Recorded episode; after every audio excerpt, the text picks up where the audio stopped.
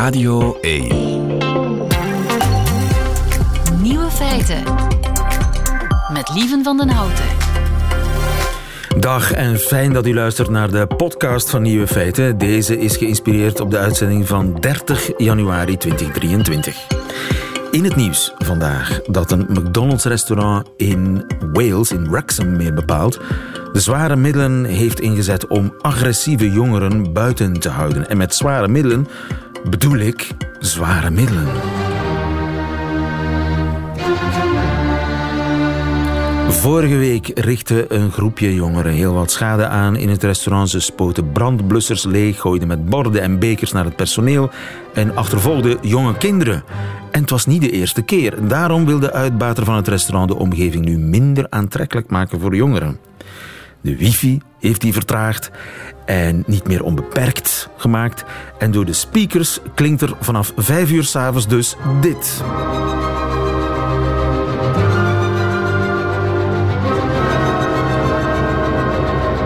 Beethoven. En, ik citeer een woordvoerder van McDonald's, om meer acceptabel gedrag aan te moedigen. Ik vermoed dat ze La Esterella nog achter de hand houden. De andere nieuwe feiten vandaag. Music LM is de muziekversie van ChatGPT en er wordt aan gewerkt. De angstremmers die wij slikken maken de vissen in onze rivieren roekeloos. Rusland heeft er een fan bij. Zuid-Afrika. En Amalia, kroonprinses van Nederland, ontdekt haar overzeese gebieden. De nieuwe feiten van Nico Dijkshoorn die hoort u in zijn middagjournaal. Veel plezier.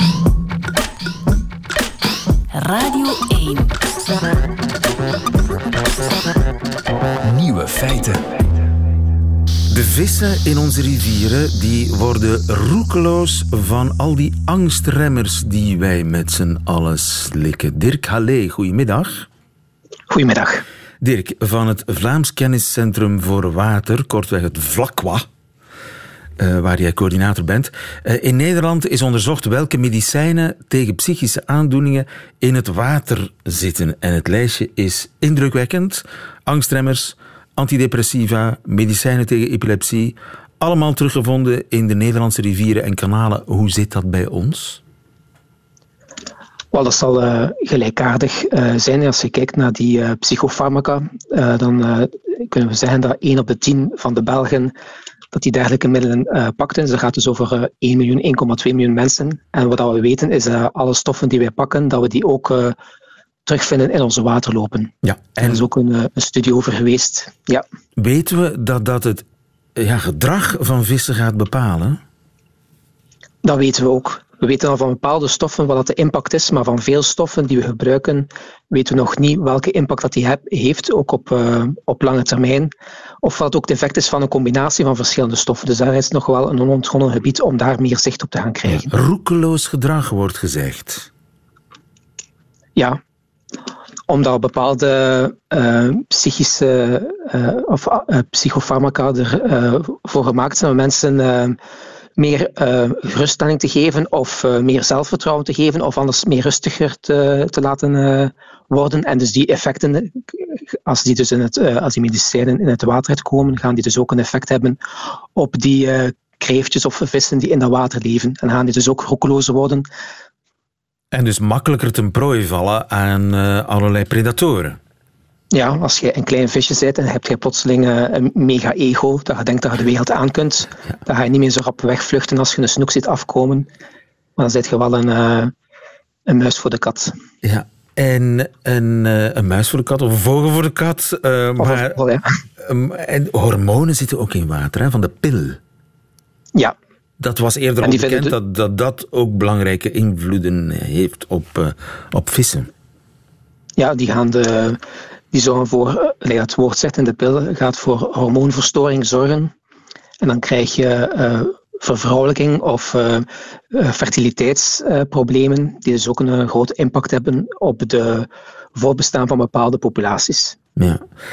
Dus niet, niet zo best. Nu, we kunnen maar moeilijk die pillen niet meer slikken. Ik neem aan dat die pillen nodig zijn. Kunnen we vermijden dat die in het water komen? Ik denk niet, want we plassen dat gewoon uit, hè? De restanten ja. daarvan. Pillen doorspoelen, dat is in elk geval een slecht idee. Als je pillen wil weggooien. Gewoon doorspoelen in het toilet, zeker niet doen. Ja, dat mogen we zeker niet doen.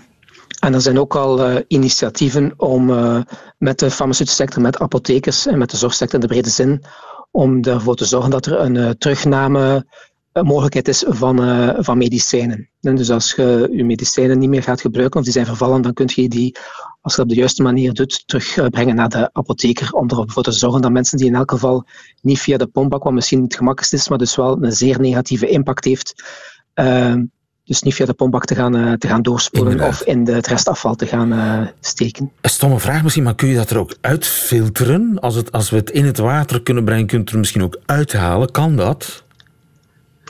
Ja, dat kan zeker. Het beste is natuurlijk om ervoor te zorgen dat ze niet in het water terechtkomen. Maar als het dan toch in het water terechtkomt, om uh, daar te gaan kijken via welke technologieën dat die stoffen kunnen verwijderd worden. Daar, wordt dus ook binnen Vlaanderen worden daar ook projecten rond opgezet, onder andere ook bij, bij Aquafin in samenwerking met de Vlaamse Milieumaatschappij, om op een bepaalde waterzuiveringsinstallatie te gaan kijken van welke combinatie van technologieën dat er kunnen ingezet worden om die veelheid aan uh, micropolluenten, wat we noemen, onder andere dus ook die psychofarmaca, om die er op de meest efficiënte manier te gaan, uh, te gaan uithalen. Ja, maar dat is bedoeld voor ons natuurlijk dat dat ervoor zorgt dat die al niet in het water terechtkomen. Maar die waterzuiveringsinstallaties die maken drinkwater voor ons. Dat, dat zal de vissen in de Schelde niet helpen, neem ik aan.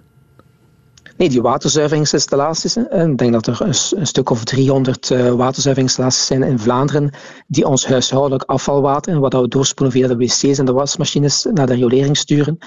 Uh, die gaan naar die installaties, daar wordt dat water gezuiverd en dat wordt dan geloosd in het oppervlaktewater. Ah ja, toch. En dan uh, op bepaalde plaatsen uh, verder en dat water stroomt dan ergens naartoe en dan gaat dat... Uiteindelijk gaan de vissen daar ook goed wel bij varen ja, als we die stoffen daaruit kunnen halen, gaan die, uh, gaan die vissen natuurlijk ook uh, baat bij hebben. Maar dat zijn voorlopig nog maar uh, proefprojecten die bezig zijn, experimenten die bezig zijn her en der. Maar we hebben goede hoop dat dat zal lukken. Maar, uh, zeker omdat Europa er ook uh, zeer sterk op nakijkt. En dus er is nu ook een heel wetgevend initiatief op Europees niveau.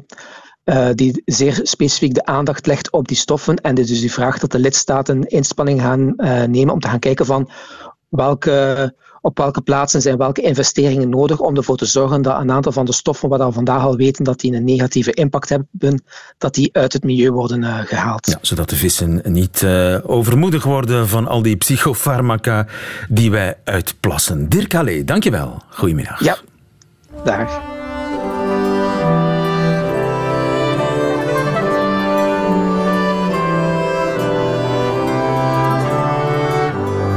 Ontdekking van Nederland met Sander van Hoorn. Ja, ik spring spontaan bijna in de houding. Voor het Wilhelmus en voor Sander van Horen, die voor ons Nederland ontdekt nadat hij jaren in Brussel voor ons België heeft ontdekt. Maar hij is terug naar het nest geroepen. Goedemiddag, Sander. Hey, lieve. Hoe staat het met die ontdekking van Nederland? Wat heb je nou, deze week een ontdekt? Vaststelling, uh, een vaststelling? Dat wij uh, dit gesprek eigenlijk helemaal niet zouden moeten hebben, omdat onze landen op voet van oorlog met elkaar zouden moeten verkeren. Is dat zo? Nou, dat lijkt me wel. Ik bedoel, op het moment dat jij willens en wetens de vlag verkeerd omhangt uh, bij een hoog bezoek. Heb, heb ik dat gedaan?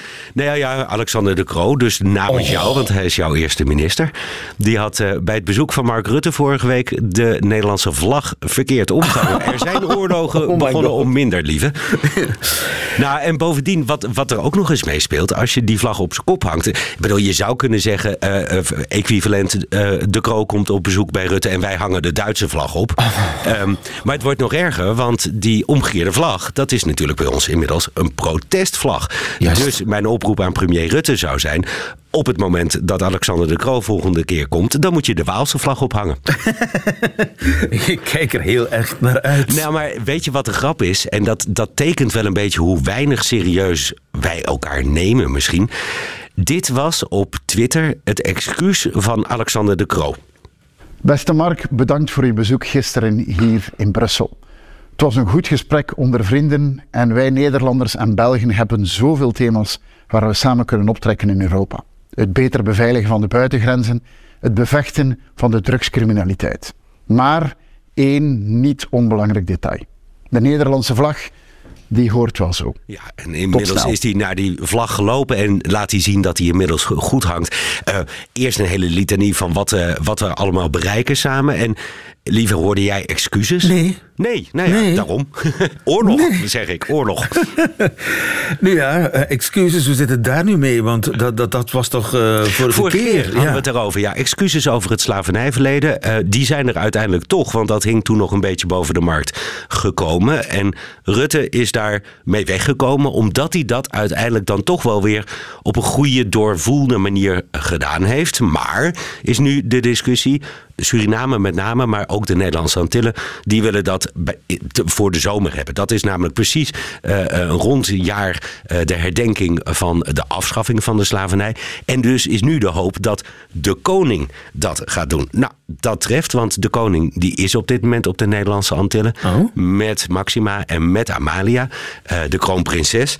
Ja, en dat hangt dus, dat slavernijverleden, een beetje als een donkere wolk boven dat bezoek. Luister maar dan het bezoek van de Oranjes aan het Caribisch deel van het Koninkrijk. Daarbij is veel aandacht voor het slavernijverleden en bijvoorbeeld de natuur op de eilanden. Gisteravond was er ook ruimte voor feest. De koning, koningin en prinses Amalia deden mee. De smaak van Bonaire, zo heet deze markt in Kralendijk die de Oranjes bezochten. De smaak van Bonaire. Ja. De, het slavernijverleden is ver weg. Ja, ze hebben die slavenhuisjes wel bezocht. En het is ook op zich logisch op het moment dat je bezig bent met een kennismakingsbezoek. Want dat is het voor Amalia. Ze is net 19 geworden, dus ze begint zich te ontplooien als nou, de toekomstige koningin. En dat betekent dus een uh, uh, bezoek aan de overzeese gebiedsdelen van, van Nederland. En ja, dan, dan heb je dus inderdaad over het milieu. De mangrovenbossen zijn ze wezen kijken. Dan proef je de cultuur. Maar ja, dan ga je dus inderdaad ook bij die slavenhuisjes kijken. En dan hangt toch een beetje boven de markt van ja, gaat haar vader, koning Willem-Alexander, daar dan ook namens de Oranjes op de officiële herdenkingsdag van de afschaffing van de slavernij dit jaar uh, zijn excuses aanbieden. Dat ja, je kunt het een niet loszien van het andere natuurlijk. Hey, en um, nu we het toch over die uh, overzeese gebiedsdelen hebben, wij, wij hebben die nog. En dat is altijd zo'n strikt vraagje op school. Wat, lieve, is het hoogste punt van Nederland? Aha, het hoogste punt van Nederland. Dat zal wel ergens op Sint Maarten liggen, zeker? Of, ja, precies. Je, je, jammer dat je niet zegt dat is het drielandenpunt in Vaals. Want dat, dat kan ook. En dat is dan uh, ook de grens met België. Maar nee, het is een, een berg van 700 meter op, uh, op Saba. En dat is een van de eilanden die bezocht worden. Bonaire zijn ze dus geweest. Gaan naar Curaçao, Aruba, Sint Maarten, Sint Eustatius en, en Saba dus. 700 meter, ik weet niet of onze barak frituur, uh, die is net ietsje hoger? Nee, die staat volgens mij al hoger. Ja, nee, die staat dus al hoger. Wij blijven hoger. Kijk, en uh, wat je dan ziet bij zo'n bezoek is uh, dat, dat er dus inderdaad een soort plichtplegingen worden gepleegd. En het is ook een beetje het ongemak wat wij hebben bij Koningsdag, weet je wel. Dan, dan wordt er een stad in Nederland bezocht. En dan, nou, vroeger gingen ze dan koek happen en dat proberen die gemeenten dan uit alle macht te moderniseren. Want ja... Modern koekhappen. Ja, je, ja. Nou ja, maar je kunt het zo'n koning, uh, koninklijk gezin ook niet aandoen. Uh, maar toch even dan serieus. Uh, er was bij RTL Nieuws een Antilliaanse zangeres en die legde uit dat zo'n kennismakingsbezoek, ondanks alle ongemakken en weet ik wat, toch voor een kroonprinses waardevol kan zijn. Ze hebben een, een deel van het koninkrijk waar de mensen heel anders denken, waar de mensen hele andere input kunnen geven. Um, ze hebben ook eilanden waar de problemen heel anders zijn dan in Nederland. Uh, wat denk ik ook helpt om als je over nadenkt, uh, als je daarover nadenkt, om ja, breder te kijken dan je eigen land. Ja, dus ik begrijp dat het gaat om uh, voorbereiding voor Amalia, die ja. twee weken lang kennis maakt met een gebied ja, waar ze uiteindelijk ook wel koningin nou ja, Moet je moet je voorstellen dat bij jullie uh, Congo bijvoorbeeld nog erbij zou horen, echt als onderdeel van België, ja, dan, dan heb je daar een hele andere relatie mee. En dan moet je dus te zijner tijd ook een koningin zijn van dat gebied. En bedoel, de beelden van Beatrix na, na overstro of een hevige regenval op de Antillen. En dat ze daar echt als, als moeder staat. Ja, dat, dat moet je wel voorbereiden. Moet je die uh, mensen kennen. Maar goed, het houdt ons hier in Nederland ook weer niet heel erg bezig. Dat uh, slavernijverleden, maar ook de, de, ceremonie eromheen. Ja, moet je daar nou aandacht aan besteden? Wij zelf doen het. En RTL ook als laatste onderwerp voor het weer. Dus als laatste onderwerp in het journaal. Maar pas echt los eh, gaan ze natuurlijk in de, ja, de, de, de roddelprogramma's, zeg maar. Eh, RTL Boulevard bijvoorbeeld was er zo eentje. Daar ging het over eh, de jurk van Amalia bij het uitstappen van het vliegveld, het vliegtuig. Want die was toch wel opgewaaid. En hoe kan dat nou? Ja, vaak Elise, uh, jurken, het ging over die opwaaiende zomerjurk. Die worden vaak met loodjes uh, verzwaard. Oh ja? ja? Dat werd bij Elizabeth, de, de, Engelse koningin, werd het altijd gedaan. Geen Marilyn Monroe tafereelen. Ja, om dat te voorkomen. ja, ja, ja, boeiend. Ja, nee, ik wist wel dat je dit boeiend zou vinden. Dus dan, gaan we nog even door. Want en dat is toch ook wel. Met koning Filip nu hebben jullie natuurlijk ook een iets moderner koningshuis. Hij maakt grapjes over zichzelf. En misschien dat er een cultuur ontstaat dat je dat ehm, iets meer kan doen. Bij, bij ons is het toch ja, koning Pils, Willem-Alexander. En ja, moet, moet, je maar eens horen hoe in datzelfde programma RTL Boulevard over uh, zijn kleding wordt gepraat. Vandaag had Amalia een jurk van Nathan. Eh, het favoriete uh, merk van haar moeder. Ja, en het is dan toch, ja, ik wil niet, niet een domper hierop, want het zag er natuurlijk prachtig uit. Maar dan staat er zo'n man naast dat je denkt, wat doet die man daar? Ga opzij. En dat is dan onze koning. Oh, die man. Ja. Of vind, ja, je, of vind je dat er ook goed uitziet? Ja, hij, ja, hij heeft Kijk, dat jasje, Arno, veel te lang, veel te groot. Dat past voor geen meter. Ja. ja. Maar wel een jurk van Nathan, lieve. Dan toch weer de Brusselse connectie. Ja, ja, onze koningin zweert ook bij Nathan. Ja, precies. Zeker. En, en op zich, Amalia, de jurk die ze aan had, uh, was dan weer niet zo heel bijzonder. Een beetje vaal, blauw, beige met wat blauwe opdruk. Was niet heel bijzonder. Werd ook geduid in de Nederlandse televisieprogramma's. Als je ergens kleuren kunt dragen, is het op de Cariben. Juist. Ik had, ik had gedacht misschien uh, dat ze wat iets meer zou kunnen uitpakken. Maar kan het niet zo zijn dat dat gewoon niet haar stijl is? Ik vraag me wel, uh, ja, ik, zij heeft nog niet, ook niet echt een eigen stijl. Hè. Er zit niet, ze is nog zoekende. Ze is heel erg zoekende, ja. 18. Mag hè? Een meisje nog, hè, dus ze moet nog haar weg vinden. En ik heb ook het idee dat ze misschien een beetje iets ouder wil lijken. En dat ze zich daarom wellicht wat tuttiger kleedt. Dat wat is ook serieuzer misschien? Ze is 19 inmiddels, maar oh, 19, uh, ja, maakt niet uit. Nou. De luxe van een land waar je zo over je koningshuis kunt praten trouwens. Maar het leukste detail, ja, dan moet je toch het oog van een kind hebben. En wie heeft dat? Dat heeft het Jeugdjournaal. Moet je horen wat zij van dit staatsbezoek meteen opmerkte. De koning heeft zijn vliegdiploma. Hij is dus officieel piloot. En daarom bestuurde hij zelf het vliegtuig waarmee de Oranjes aankwamen. Oh. En dat is dan toch weer leuk. Dat kan jullie koning. Ja, die vliegt helikopter mm, volgens mij. Ja, toch? volgens mij. Eh, onderschat niet, Filip. Nee, boven zijn eigen paleis. Ja, maar een, uh, een, een echte straaljager uh, naar de andere kant van de wereld vliegen. Ja. Ik weet het niet zeker. Ik weet het niet zeker of wij ook die wedstrijd zouden verliezen. Maar goed, dit gaat lieve nog twee weken zo door. Oh, Jezus. Ja, ja, Christus. Ja. En eigenlijk wordt het misschien pas op het laatst echt interessant. Want ehm, als je daar zou zijn nu op die Antillen, dan zou je zien dat er een hele batterij beveiliging mee vliegt. Natuurlijk, koninklijke familie. Maar het is nog wel meer, want uh, Amalia, ja, die heeft uh, net als uh, ministers, net als misdaadjournalisten, net als Belgische ministers trouwens, bedreigingen gekregen vanuit de onderwereld. En die worden toch wel degelijk serieus genomen. En dat hangt dus ook heel nadrukkelijk als een schaduw over dit bezoek. En vandaag staan de eerste werkbezoeken op het programma. Amalia wordt erbij extra beveiligd omdat ze bedreigd wordt door de drugsmafia. We zien prinses Amalia sinds de bedreigingen, maar zelden in het openbaar. Twee weken lang zullen dus de ogen op Amalia gericht zijn. Niet in de laatste plaats omdat ze flink bedreigd wordt vanuit het criminele milieu. En ze daar aan het eind van de trip voor het eerst iets over zal gaan zeggen. Oh, dus uh, er volgt nog een, uh, een bericht van Amalia over de bedreigingen aan haar adres aan het einde van haar trip. Een heuse de... cliffhanger die uh, leuk zou zijn als het niet bloedserieus was. Ja. En overigens, intussen heb ik opgezocht dat het signaal de Botrange, het hoogste punt van België, ja. is 694 meter. Kijk! Winnen we ook. Wat een feest. 700 meter. Dat Saba maar voor eeuwig bij het Koninkrijk der Nederlanden mag blijven horen. Tot volgende keer. Sander van Hoorn. Radio 1. Nieuwe feiten. Je kon erop wachten na ChatGPT dat wonderschone teksten kan schrijven op bestelling en DAL-I dat op bestelling ook een mooie illustratie maakt, is er nu Music LM. De volautomatische muziekmaker Jeroen Baart, goedemiddag. Goedemiddag. Computerwetenschapper, kunnen we het al uitproberen? Wel, dat is het enige nadeel in vergelijking met DALI of ChatGPT. Um, het systeem kan muziek genereren, maar de tijd die het nodig heeft om tot een oplossing te komen, is nog te lang om het live te proberen. Of het zou te veel kosten om iedereen daar los op te laten gaan nu. Maar het, uh, ja, het, het, is al beschreven in een paper ja. van Google. Uh, het is nog werkt. gesloten, het is nog niet ja. uh, voor iedereen beschikbaar, het is nog niet echt helemaal op punt, het staat nog niet helemaal op punt. Wat kan dat ding?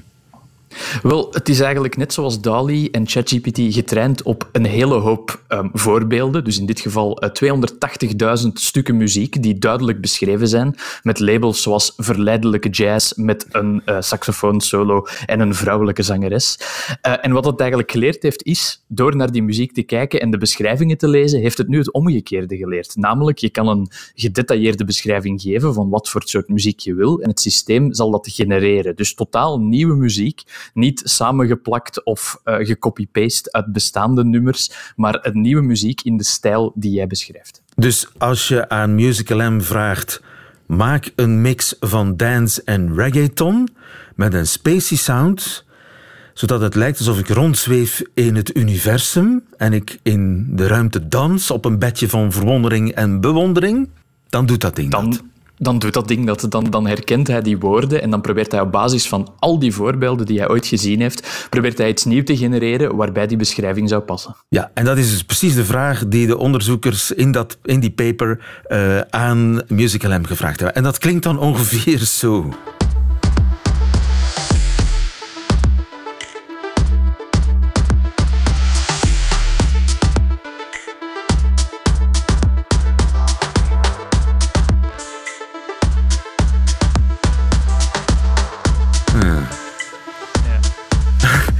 Voel je het al een beetje?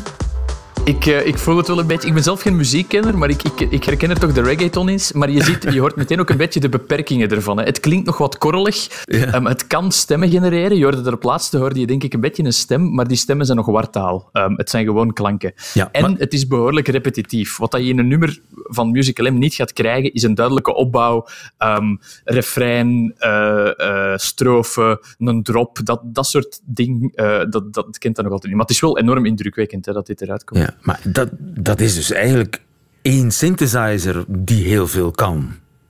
Absoluut, ja, dat, absoluut. Want ja, dat, dat, dat, hier zijn geen mensen in een studio aan het werk, dat is allemaal elektronisch. Nee, nee. nee, dat is nog eens belangrijk om te benadrukken. Geen enkele van de klanken die je hoort is ingespeeld door een, door een mens en dan samengesteld door een computer of zo. Het is volledig gesynthetiseerd uit, ja. het, uh, uit het niks. Ja. ja, en het is geen knip- en plakwerk, het is nieuw. Nee. Alright. Absoluut. En uh, breng mij vrede en rust met fluit en gitaar. Wat zou Musical M daarvan maken?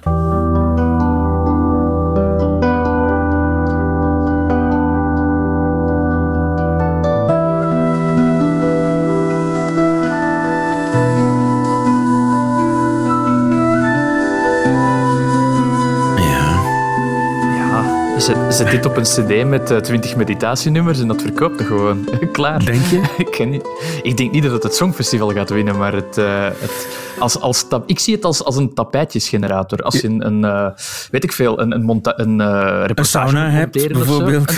oh, bijvoorbeeld, nog beter, ja. Wat dat ook leuk is, is dat ze, omdat ze van tekst vertrekken, dat ze ook die tekstinput kunnen uit, uit bronnen halen die dat je misschien niet meteen uh, bedenkt. Zoals bijvoorbeeld de beschrijving van, van, een, van een, een kunstwerk. Um, dus ja, Munch, uh, de schreeuw is een, een, een experience waarbij je een schreeuw door de natuur hoort. Een, een, een paniekerig wezen dat tegelijk, tegelijkertijd een lijk is. En uh, de, de, de kern van een foetus. Dus een hele woordelijke, kunstige beschrijving van een kunstwerk. En dan kan je kijken wat dat, dat systeem daarbij gaat verzinnen van muziek. De soundtrack bij de schreeuw van Munch.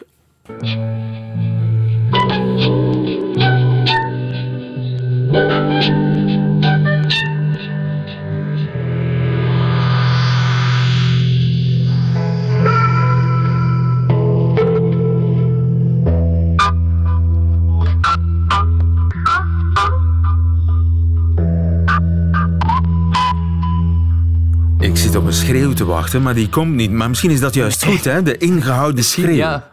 Ja, absoluut. Of de, ik merk toch een paar uh, schelle klanken die plots door het, uh, door het, door het stuk komen. Dus uh, ja, kijk, dit zou Tom York kunnen zijn natuurlijk, hè, op zo'n ja. van zijn experimentele zijprojecten. Dus ja, wat wel moet gezegd worden is, de voorbeelden die dat we nu spelen, die komen uit de paper. Het is natuurlijk nog maar de vraag, in hoeverre zijn deze handpicked? Misschien spelen we nu net voorbeelden waarbij het systeem um, uh, laten we zeggen, goede resultaten genereerde. En hebben we nog niet de volledige, het volledige spectrum gezien van hoe het kan mislopen. Ja. Maar het is alleszins wel, wel ja, indrukwekkend. Ja, plus het klinkt nog een beetje lo-fi, het klinkt nog een beetje ja, korrelig en zo. Korrelig, maar ik kan me voorstellen dat als dit beter klinkt en ik moet een documentaire maken over Munch, dat ik dit wel zou kunnen gebruiken. Want ja, vind maar eens de juiste soundtrack, de juiste muziekjes. Dus ik kan me voorstellen dat voor scores dat dit wel een ding kan worden.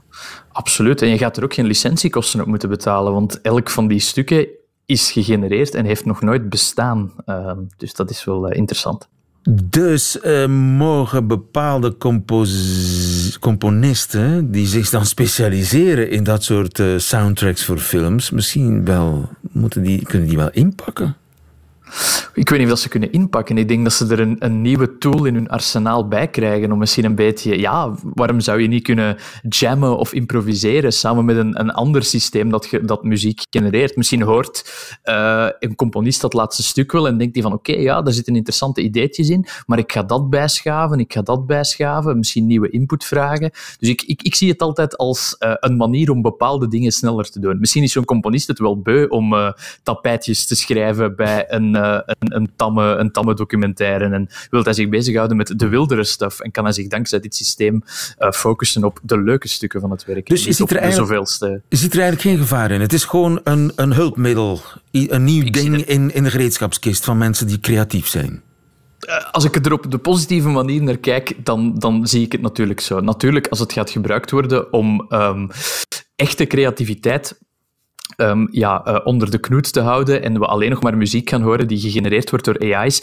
Het bouwt ook verder op 280.000 muziekstukken die hij ooit gehoord heeft er zal altijd wel ergens een doorslagje in zitten van iets dat hij ooit gehoord of gemaakt heeft. Dus de nieuwe creatieve input in zo'n systeem, ja, daar, daar heb je nog altijd mensen voor nodig natuurlijk. Anders krijg je na een tijd eenheidsworst natuurlijk. Dan gaan we, gaan we na een paar jaar enkel maar documentaires krijgen met dit soort muziek bij. En dat, uh, dat zou ook heel zonde zijn ja, natuurlijk. Het blijft, het blijft een afkooksel wat hij maakt. Absoluut. Het, blijft, het is een soort van. Het is een trucje. Hè? Al die, al die AI-systemen zijn trucjes om een gigantische hoeveelheid data die wij nooit kunnen bevatten, om van, vanuit die gigantische hoeveelheid data iets te distilleren dat voor ons nieuw klinkt, maar eigenlijk een soort van ja, een reproductie is van allemaal indrukken die dat systeem uh, gehaald heeft. Net zoals ChatGPT is eigenlijk een, een, een geweldige auto-aanvuller met tekst die dat het ooit ergens gezien heeft. Het, het is een soort van, ja, het, het, het is het, het opbraken van indrukken die hij uit andere dingen heeft. Er komt niks echt nieuws origineels uit. Maar het wordt zo gearrangeerd dat het voor ons nieuw en origineel lijkt. Dat is misschien nog de beste manier om het te beschrijven. En wanneer schat jij dat Google dit uh, vrijgeeft, zodat wij, dat iedereen uh, muziek kan maken? Goh, ik, ik denk dat het toch nog wel laten we zeggen, optimistisch een paar maanden, um, realistisch misschien nog een jaar of zo, omdat de rekenkracht die nodig is om het, de oplossing te laten convergeren, dus om er effectief een, een beluisterbaar stuk muziek uit te komen. En zelfs nu klinkt het nog redelijk lo-fi. Ik denk dat de rekenkracht momenteel nog, um, ja, om dat gratis aan mensen weg te geven om te laten proberen, als je er een half bos voor moet afbranden voor, uh, voor uh, de energie die nodig is om dit te genereren, dan is het natuurlijk ook niet echt schaalbaar. Dus ik denk dat er nog wat schaalproblemen zijn, maar ja, dat dachten we twee of drie jaar geleden van die andere generatoren ook. Dus ik denk dat het een kwestie van tijd is. Het gaat razendsnel. En, ja. In en misschien nog, misschien nog een kleine tip voor de volgende keer. Ik heb nu ook een paper gevonden die video genereert op basis van tekst. uh, dat staat nog, staat nog een beetje verder. Oké, okay, dan, dan kunnen... Ja, dan kunnen en de illustratoren, de tekstschrijvers en de, en de componisten samen met de filmmakers op vakantie naar Bali. De computer doet het werk. Of op een leuke brainstorm naar Bali, waarin dat ze de input voor de computer uh, verzinnen natuurlijk. Ja. Jeroen Baert, dankjewel. Tot de volgende. Tot de volgende. Nieuwe feiten. Radio 1. Zuid-Afrika kiest de kant van Rusland. Stijn Verkruisen, goedemiddag. Goedemiddag. Afrika-kenner van VRT Nieuws. Er komen gezamenlijke militaire oefeningen volgende maand voor de Zuid-Afrikaanse kust. Russisch-Zuid-Afrikaanse, Chinese militaire oefeningen. En vorige week is Poetin zijn buitenlandminister Lavrov in Pretoria hartelijk ontvangen. Wat, wat is er aan de hand? Komt Zuid-Afrika uit de kast als fan van Rusland? Hmm, dat zou ik niet uh, meteen zeggen. Ik denk dat Zuid-Afrika een beetje op uh, twee benen uh, aan het hinken is. Um, maar nu, ja, in deze uh, oefeningen, militaire oefeningen, is de Zuid-Afrikaanse minister van Buitenlandse Zaken toch wel duidelijk geweest en heeft ze gezegd, ja, we kunnen moeilijk vragen aan Rusland om zich terug te trekken uit uh, Oekraïne als je ziet hoe Oekraïne nu gesteund wordt door, uh, door het Westen, al die tanks die daar naartoe gebracht worden. Ja, dat is geen gelijke strijd meer, maar een echte steun uitspreken voor Rusland, dat heb ik eigenlijk ook niet gehoord. Ze blijven zeggen dat ze neutraal zijn. Maar het lijkt toch inderdaad een beetje over te hellen um, in, in ja, Russisch steun aan Rusland. Ja, ja. Maar ze moeten daar toch voorzichtig in blijven. Ze blijven voorzichtig. Ze zijn zo gezegd neutraal, maar ze schuiven toch stapje voor stapje wat dichter bij Rusland. Wat krijgen ze daarvoor in ruil? Dat is uh, moeilijk te zeggen wat ze daarvoor in uh, ruil krijgen. Dat uh, probeer je te zoeken en vind je niet. Want je zou bijvoorbeeld het eerste wat je zou denken is het zullen handelsrelaties zijn. Maar als je ziet de handel tussen Rusland en Zuid-Afrika is eigenlijk een fractie van wat het is met de Verenigde Staten of met, met de Europese Unie. Wat ik denk dat belangrijk is, is de band binnen de BRICS-landen. dat is eigenlijk een, soort multinationale organisatie tussen de op opkomende industrieën, groeilanden, Rusland, Zuid-Afrika, India, Brazilië, uh, China. Um, je ziet dat het een, die, organisa die organisatie steeds belangrijker wordt. Um, alle landen hebben er baat bij om wat tegenwicht te geven tegen die multi nationale organisaties waar de Verenigde Staten het overgewicht heeft. De Wereldbank, ehm, de ehm, G20, eh, dat soort eh, instellingen. Ze willen daar echt een tegenwicht voor geven, een beetje een nieuwe wereldorde creëren waar die opkomende landen veel belangrijker zijn. Ze denken er ook aan om daar andere landen in te krijgen in die organisatie. Monetair is dat belangrijk, economisch is dat belangrijk, maar dus ook geopolitiek. En ik denk dat dat aspect wel belangrijk is om die samenwerking met China en Zuid-Afrika nu ook eens militair um, heel duidelijk uh, aan te tonen. Dus dat dat erin zit voor Zuid-Afrika. Ze werden een beetje op twee paarden. Ze hebben belangrijke relaties met het Westen, met Europa, met Amerika. Maar ze willen Rusland niet voor het hoofd stoten. Ze willen ook een beetje in die andere club horen. Kan dat wel? Kun je, kun je lid zijn van beide clubs? Wel, het is wat uh, vele Afrikaanse landen aan het doen uh, zijn op dit moment. Ze zijn eigenlijk een beetje aan het uh, profiteren van de strijd, de concurrentie die op dit moment gaande is op het Afrikaanse continent. Je ziet dat Europa, de Verenigde Staten, China, Turkije, Rusland allemaal wat aan het vechten zijn om meer invloed in Afrika. Wat eigenlijk wil zeggen dat het Afrikaanse continent echt aan invloed aan het winnen is op het wereldtoneel. Ze krijgen echt een plaats aan de tafel toont dit aan. En veel van die Afrikaanse leiders maken hier nu wel handig gebruik van. Hè. Um, ze proberen eigenlijk het beste te halen uit alle relaties en blijven maar zeggen dat ze neutraal zijn. Ja. Maar het is een beetje opportunistisch ook wat ze doen. Ik denk niet dat je de Zuid-Afrikaanse leiders hier uh, mag onderschatten. Ze maken echt wel gebruik van die strijd die er bezig is. Ja, want ja, de andere vrienden van Rusland zijn niet bepaald democratieën. Hè? Dit zegt toch ook iets over Zuid-Afrika? Ja, en, maar vooral voor Rusland is dat denk ik ook wel uh, heel belangrijk hier. Tot nu toe, de laatste tien jaar, sprong Rusland eigenlijk telkens in het gat gelaten door de Verenigde Staten, Europa, Frankrijk bijvoorbeeld. Vooral fragiele staten, um, waar um, ja, Frankrijk min of meer wegtrok of uh, waar de Verenigde Staten minder aandacht voor had. Zoals ja, in, in, in, Afrika bedoel je, ja. In Afrika, ja. Zoals de, de Centraal-Afrikaanse Republiek, zoals Mali, nu ook uh, Burkina Faso, hè, waar juntas, militaire juntas uh, aan de macht zijn. Uh, maar nu ook in Zuid-Afrika, wat toch als een zeer belangrijk land op het Afrikaanse continent uh, wordt gezien. Dat is eigenlijk wel een pluim op de hoed van Poetin. Daarmee kunnen ze wel uitpakken van ook het invloedrijke en economisch zeer belangrijke Zuid-Afrika is onze vriend. Wij zijn helemaal niet zo geïsoleerd als jullie wel zouden denken. Dat kan Poetin hiermee uh, aantonen? Ja. ja, en voor Zuid-Afrika, um, wat daar speelt, zijn ook wel de historische banden met Rusland. Het ANC, um, ehm, de partij van Nelson Mandela, die uh, heeft altijd heel veel steun gekregen van de Sovjet-Unie in een tijd uh, toen uh, de Verenigde Staten het ANC nog als een terreurorganisatie beschouwden. En veel van die elite nu binnen het ANC, uh, veel van, van, van, van die top, toppers daar, die zijn dat niet vergeten. Um, en die vinden die banden met Rusland nog altijd belangrijk. Ja, er is een historische band tussen ANC en Rusland die teruggaat uh, tot de apartheidstijd, zeg maar. Oké, dus een, zekere vriendschap tussen beide landen, Rusland en Zuid-Afrika, maar we gaan toch niet meteen Zuid-Afrikaanse soldaten mee zien strijden aan het front? Neem ik aan. Nee, dat gaan we zeker niet zien. Je ziet ook als je een recente opiniepeiling in uh, Zuid-Afrika heeft ook aangetoond dat merendeel van het Zuid-Afrikaanse publiek eigenlijk eerder voor de Verenigde Staten is in die grote strijd die er nu is dan voor Rusland. Aan de andere kant zijn volgend jaar verkiezingen in Zuid-Afrika. En uh, het ANC zou daarvoor het aller, voor de allereerste keer zijn absolute meerderheid kunnen uh, verliezen. En wat ik denk dat Zuid-Afrika, of wat, wat Rusland ook zou kunnen bijdragen daar in Zuid-Afrika, is ze hebben nogal wat te bieden op vlak van verkiezingspropaganda, um, desinformatiecampagnes op het internet. Uh, werkt heel goed in andere landen. Um, het zou kunnen dat daar een geheime deal is ergens tussen Ramaphosa en, en, en Poetin, uh, waarbij ze bij die verkiezingen misschien wat invloed zouden kunnen uitoefenen op, uh, op het internet. Dat is een, een mogelijkheid. Maar um, die verkiezingen van volgend jaar, ja, iets zegt mij dat dat, dat toch wel belangrijk uh, kan zijn in wat er nu allemaal aan het gebeuren is. Ja, dus het ANC zou heimelijk gebruik kunnen maken van de propagandatechnieken van Poetin om volgend jaar de verkiezingen eventueel te winnen. Het is speculatie, maar dat zou kunnen. Het is speculatie, ja.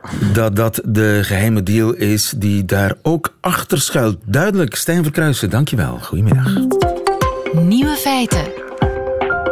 En dat waren ze, de nieuwe feiten van 30 januari 2023. Alleen nog die van Nico Dijkshoorn. Die krijgt u nu in zijn middagjournaal. Nieuwe feiten. Middagjournaal.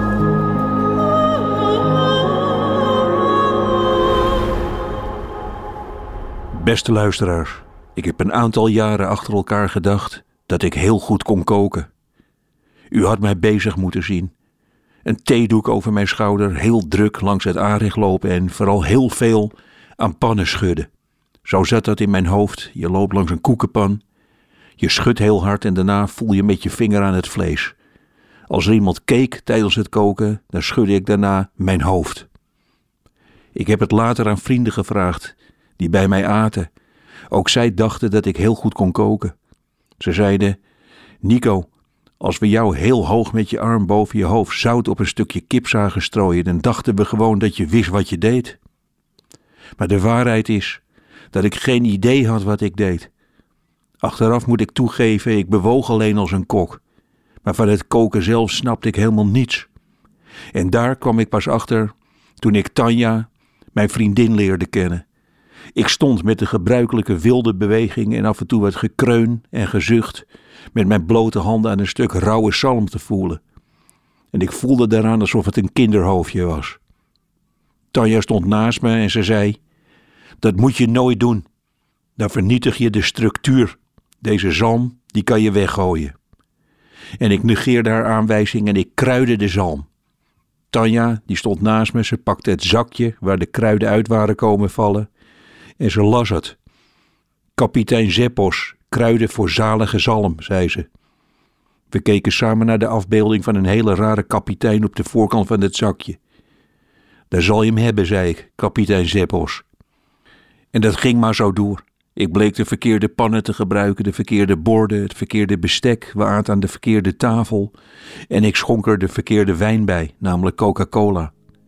Luisteraars, ik werd niet boos, want Tanja had gelijk. Ik had jarenlang gekookt als een Italiaan met een verstandelijke beperking. Toch ging het gisteren weer bijna fout. Ik stond op gepaste afstand, enkele meters achter Tanja, en ze vroeg of ik een maatbeker wilde aangeven.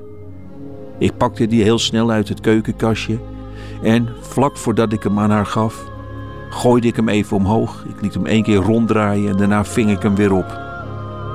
Tanja, zij keek me aan, ze wachtte even en ze zei: Nooit meer doen, hè?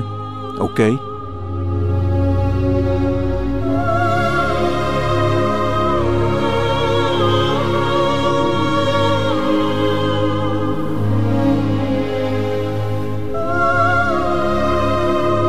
toch wil ik dat je ooit voor me kookt, Nico. Het middagjournaal van Nico Dijkshoorn.